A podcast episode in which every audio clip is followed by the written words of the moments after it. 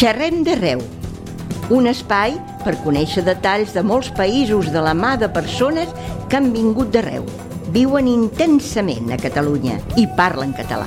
Un programa de la Coordinadora d'Associacions per la Llengua i de la Taula Intercultural del Secretariat de Sants, Hostafrancs i la Bordeta.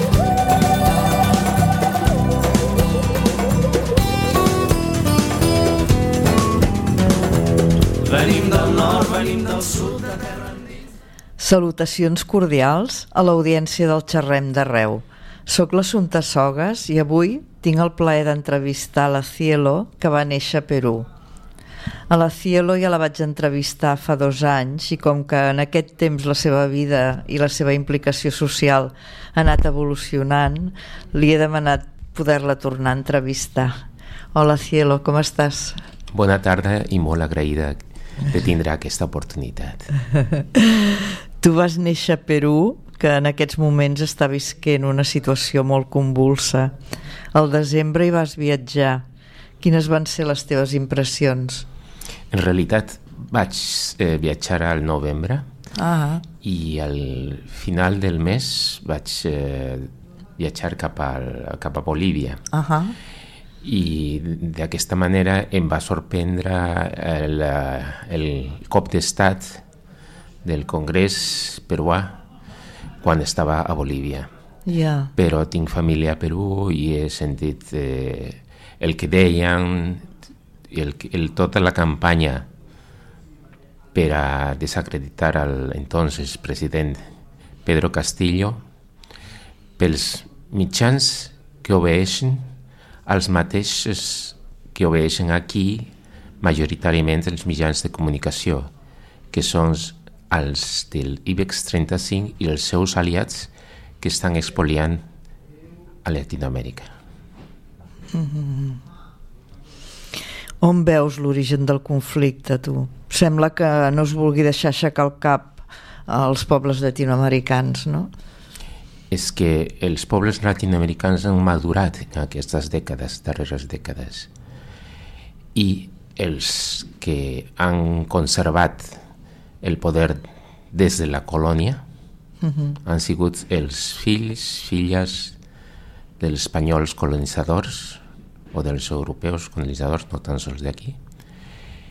I eh, això també s'identifica amb, amb el racisme que està impregnat en la història i en el pensament, en l'ànima dels peruans, dels bolivians, dels llatinoamericans en general. Malauradament, qui té una mica més clara la pell, doncs se creu amb, la, amb el poder de poder humillar a qui, té, a qui la té més fosca. Mm. No deu ser només pel color de la pell, sinó perquè deu coincidir amb tenir més poder econòmic. Justament no? perquè els que, com et deia, han conservat el poder econòmic, polític i tot això, principalment són els fills nets d'aquells colonitzadors que si bé s'han barrejat amb població local, ells neguen aquesta eh, barreja, aquesta eh, influència indígena i despectivament es eh, dirigeixen o es refereixen al president Castillo com a Evo Morales en su dia com indio, ignorante eh, i, i salvatge. Uh -huh.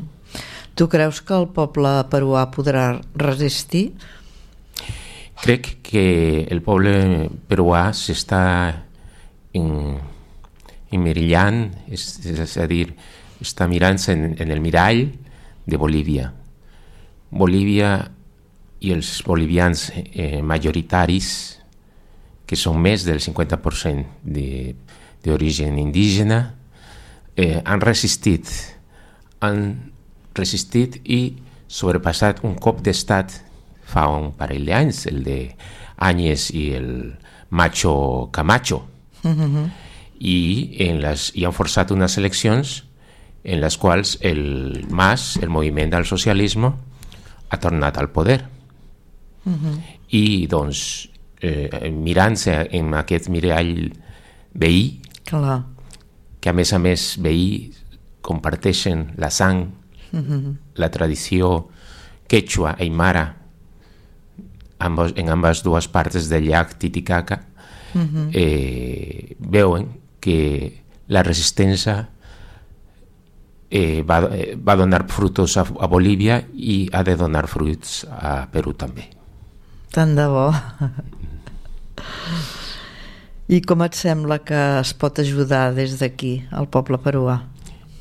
En primer lloc, en trencar el silenci mediàtic i, més a més, la desinformació que, com deia al principi, fan ús els mitjans majoritaris de comunicació i eh, que el, el, el govern eh, majoritàriament de l'Estat, em refereixo, majoritàriament a mans del PSOE, uh -huh. eh, usa com a justificació per a continuar armant aquest estat repressor al Perú, que ha causat la mort de més de 60 persones. El defensor del poble peruà oficial ha reconegut 58 morts fins ahir. Mm -hmm. Doncs ja te pots imaginar que hi ha un percentatge, 20% aproximadament, de que encara no està reconegut oficialment. Ja, ja. Et sembla que l'ultradreta s'ha desemmascarat amb els governs de, de Trump i Bolsonaro? O et sembla que encara tenen camí per córrer? Encara tenen molt que córrer i com que han vist que els pobles de Llatinoamèrica en general han pres consciència de la seva força, doncs estan utilitzant i utilitzaran, hem de, amb això hem d'estar ben conscients, eh, tots els mitjans legítims i il·legítims per a no perdre les, els seus privilegis. Ja. Yeah. Tu ets una dona trans que fa dos anys ja havies iniciat el trànsit d'home a dona. Sí, ara són quatre. sí, com ha anat evolucionant aquest procés? Bueno, eh, Ara mateix estic esperant que em truquin del, de la sanitat pública per a les operacions de canvi de sexe, uh -huh. tot, i, tot i que he de confessar que encara no estic molt segur, és quasi segur que no me hagi de canviar els genitals perquè mm, és massa risc, jo tinc 62 anys quasi, el proper yeah. de, aquest mes compleix, compleixo 62 i realment el, no em compensa, em sembla, el, el, el, el canvi genital, però sí les, les altres operacions de feminització sí que me les faré a fer. Uh -huh. Perquè hi veus un risc per la salut. Exactament. Mm. I amb l'edat ja no es tolera també l'anestèsia la, hi ha molts més riscs també en, eh, en, el, en els resultats yeah. perquè no sé si esteu al, a la White, però eh, quan et fas una vaginoplàstia sí.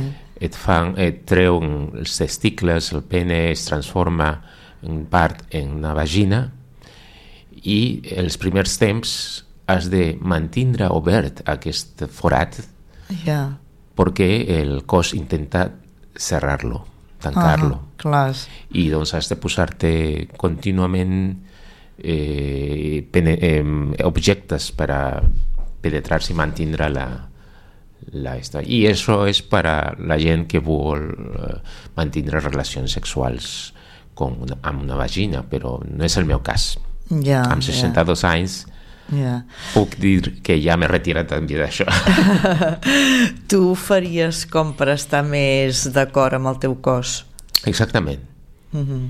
Sense risc. Jo sempre això. vaig dir, si en algun moment hi ha un risc per a la meva salut, jo paro.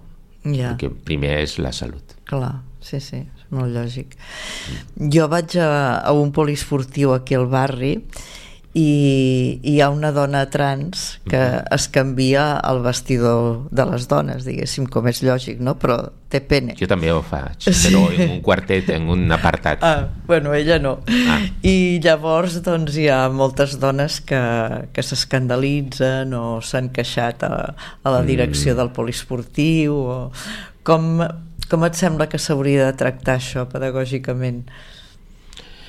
Bueno, això, tot i que hi ha eh, intentos de- d'educar a la gent, trigarà molt de temps encara, em sembla. Ja. I doncs jo penso que, com en el cas també de gent que és religiosa, dones, em refereixo, tenen la eh, ocasió i l'oportunitat, el dret de canviar-se en un lloc tancat. Ja. Doncs això mateix crec que en, prim, en primer lloc fins que es normalitzi, Ja. es respecti, doncs eh, seria una solució que eh, els gimnàs garanteixin que, eh, que tinguin cubículs per a canviar-se, Ah. igual que les dones i, eh, musulmanes. Sí, sí, sí, sí. Perquè els, els, si els vestidors fossin mixtes, ho trobaries una solució o no? Mm, tampoc No. penso que seria una solució, almenys aquí a Espanya. Encara Ja. hauríem d'anar molt, molt, molt, molt de temps.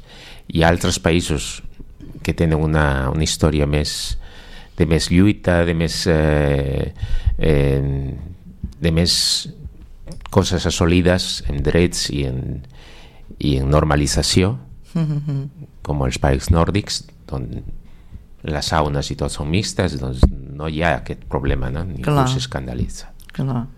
però aquí jo penso que hauria de Hem de fer passos intermitjos. exactament tampoc cal forçar No, i clar, no, no, no, no, no perquè confrontar això és contraproduent per les dues parts. Una persona que sent que no vol viure amb el gènere que li ha sigut assignat, a qui ha de recórrer?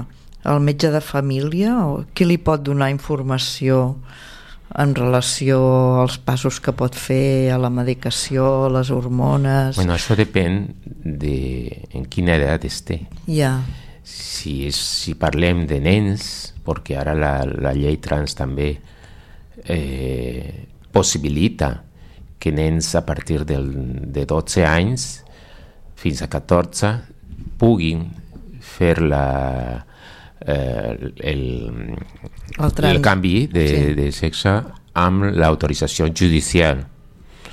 De 14 a 16 amb l'anuència dels pares. I de 16 cap a, a dalt doncs eh, tan sols amb, el seu, amb la seva voluntat. I en aquest sentit doncs depèn de la- de l'edat. De l'edat. de l'edat i eh, en principi el, pues, si són petits els primers el que han d'ajudar-los són els pares Clar, clar, clar. Però des de la, a la sanitat pública trobes recursos per Eh. poder fer el trànsit i, i, eh, i et pots trobar assessorat i que... Sí, sí, que hi ha, sí, Sí. que hi ha, i de, perquè els moviments LGTBI ja fa temps que estan lluitant per això i, i fent pressió, etc. El, lo que és més difícil és el, el trencar les tradicions de la moral hipòcrita i, i de la societat que, que, del que diran. Ja. mhm. Mira, ara posarem la música que has triat i després seguim parlant. Sé que hay en tus ojos con solo mirar que estás cansado de andar y de andar y camina girando siempre en un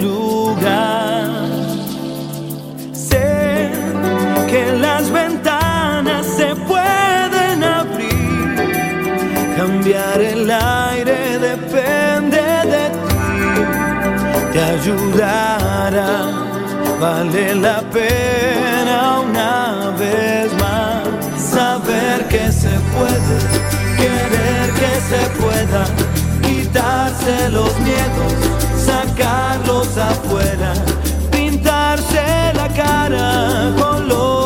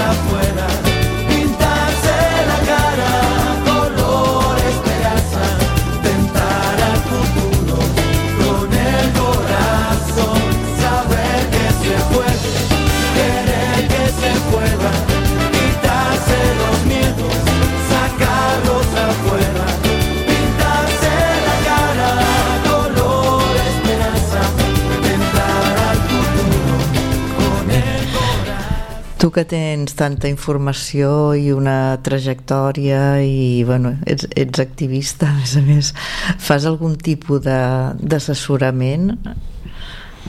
Mira, ara mateix torno com aquell que diria a les barricades. Ja, perquè l'any passat, malauradament, a principis d'any i després el 24 de- d'octubre, que no, no oblidaré mai, vaig caure en dos depressions molt fortes i en cadascuna d'aquestes vaig peure, eh, perdre quasi 10 quilos. Ufa. Vaig quedar en la pell i gossos sí. i vaig abandonar tot l'activisme perquè no tenia forces, no tenia energia ni per a tenia, eh, és com si m'hi hagués transformat en, en un ser eh, feble i sense poder.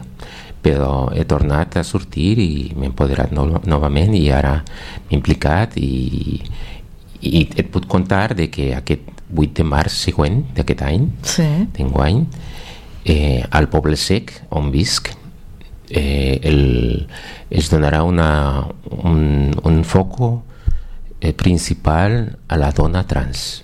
I doncs ho estem preparant Que bé, sí. això. Portes un braçalet, no?, que fa al·lusió a això que diu no és mi cuerpo, és tu mirada. exacte Ja. el problema no és el meu cos sinó la Sí. teva mirada Sí, sí, sí, sí, sí. el respecte amb el que, amb el que mires Mhm. que jo prefereixo sense dubte i penso que és molt més important dir i reclamar respecte que no tolerància, perquè tolerància es pot tolerar a, a, allò que no respectes, allò Clar. que no coneixes. Sí, sí, no. Però per a respectar has, has de conèixer. I tant. Mhm. I poder-te posar en el lloc de l'altre i això. Empatia, com es diu. Mm. Les feministes històriques del PSOE, com la Carmen Calvo, perquè ja estan en desacord amb, amb la llei trans aquesta que està recorreguda. Mhm. Elles diuen que s'esborra a la dona, però jo les diria que els drets de les dones no estan en perill ningú degut a les trans. Al contrari, si es limita el dret a algunes persones, ja no són drets per a tothom, són privilegis. Ja. Doncs cal democratitzar-se i que ens acceptin com a dones amb els mateixos drets. Mm -hmm. Si no, estan defendent privilegis. Clar, però en quin sentit eh, ho, ho veuen amenaçats? Perquè si si les trans són dones igual mm, hi ha d'haver els mateixos drets per unes que per altres, no? Perquè veuen... Però El... elles qüestionen el fet de que si tu ets trans no et puguis defensar amb la llei contra la violència, violència de gènere. Uh -huh. I es diuen, tu no eres una dona, no t'has de beneficiar d'aquesta protecció. Veus? És molt Doncs- sectari, això, no? Exactament, doncs es torna, aquest dret es tornaria un privilegi. I contra això hem de lluitar i fer-les entendre aquestes eh, dones feministes i que en el, en el nostre àmbit se les denomina com TERFs. Sí. S'han quedat anclades als... an- Perquè la, la Lídia Falcón també és d'aquest parer, no? Exactament, Sí. exactament. Ella va dir, fins i tot fa un parell d'anys, quan va ser expulsada, per aquesta raó, per aquesta declaració, entre altres, que el, les dones eh, trans som homes i que en realitat ens fèiem com si fóssim dones per a violar-les als lavabos de Ala. dones. Ja, ja, ja, ja. Doncs és molt bèstia això, no? Molt, molt i molt desagradable. Mm. Ja, ja. Tu ets una enginyera enamorada de la teva feina, però aquests últims anys no n'estaves gaire satisfeta, no? Com encares la, la jubilació? Bueno, encara no puc parlar de jubilació, primer és estar al, al paro, Sí, i, i, veure, i després, bueno, amb 62 anys ja és difícil que consigui feina nova. ah, ah, jo em Però- pensava que havies deixat la feina perquè ja et jubilaves, no? No, no, no, No, eh, no. no, no, no. Eh, és un acord perquè aquesta darrera depressió que vaig sofrir i que va desembocar en un, una baixa laboral de llarg termini Sí. per depressió doncs eh, va accelerar tot. Ja havíem parlat eh, de que no podia continuar amb el treball perquè em demanaven coses que ara la intel·ligència artificial ho permeteix però que requereix uns coneixements que una dona com jo de 62 anys malauradament ja no pot eh, fer seva amb aquesta velocitat com que la fan els joves Ja, i doncs m'exigien molt d'això això em, va a fer sentir fins i tot estúpida i, inútil el Ja. treball perquè Ja. me, i això era una, un acoso laboral però és molt difícil demostrar un acoso laboral tot i que hi hagi testimonis perquè quan no arriba la veritat d'anar-hi a judici, etc malauradament no et trobes els companys o companyes que estiguin disposats a ser testimonis. ja. Mm -hmm. Quin greu, no? Sí. I a la feina et segueixes presentant com a home? No, no, no, No. Per això mateix va ocorrir això, Ah, esto, que, ja. aquest, aquest Ja. episodi de depressió, perquè eh, quan va acabar l'obligació del teletreball, Sí. doncs jo vaig anunciar que, que bé, que tornaria al treball presencial, però que aniria vestida com la dona que sóc.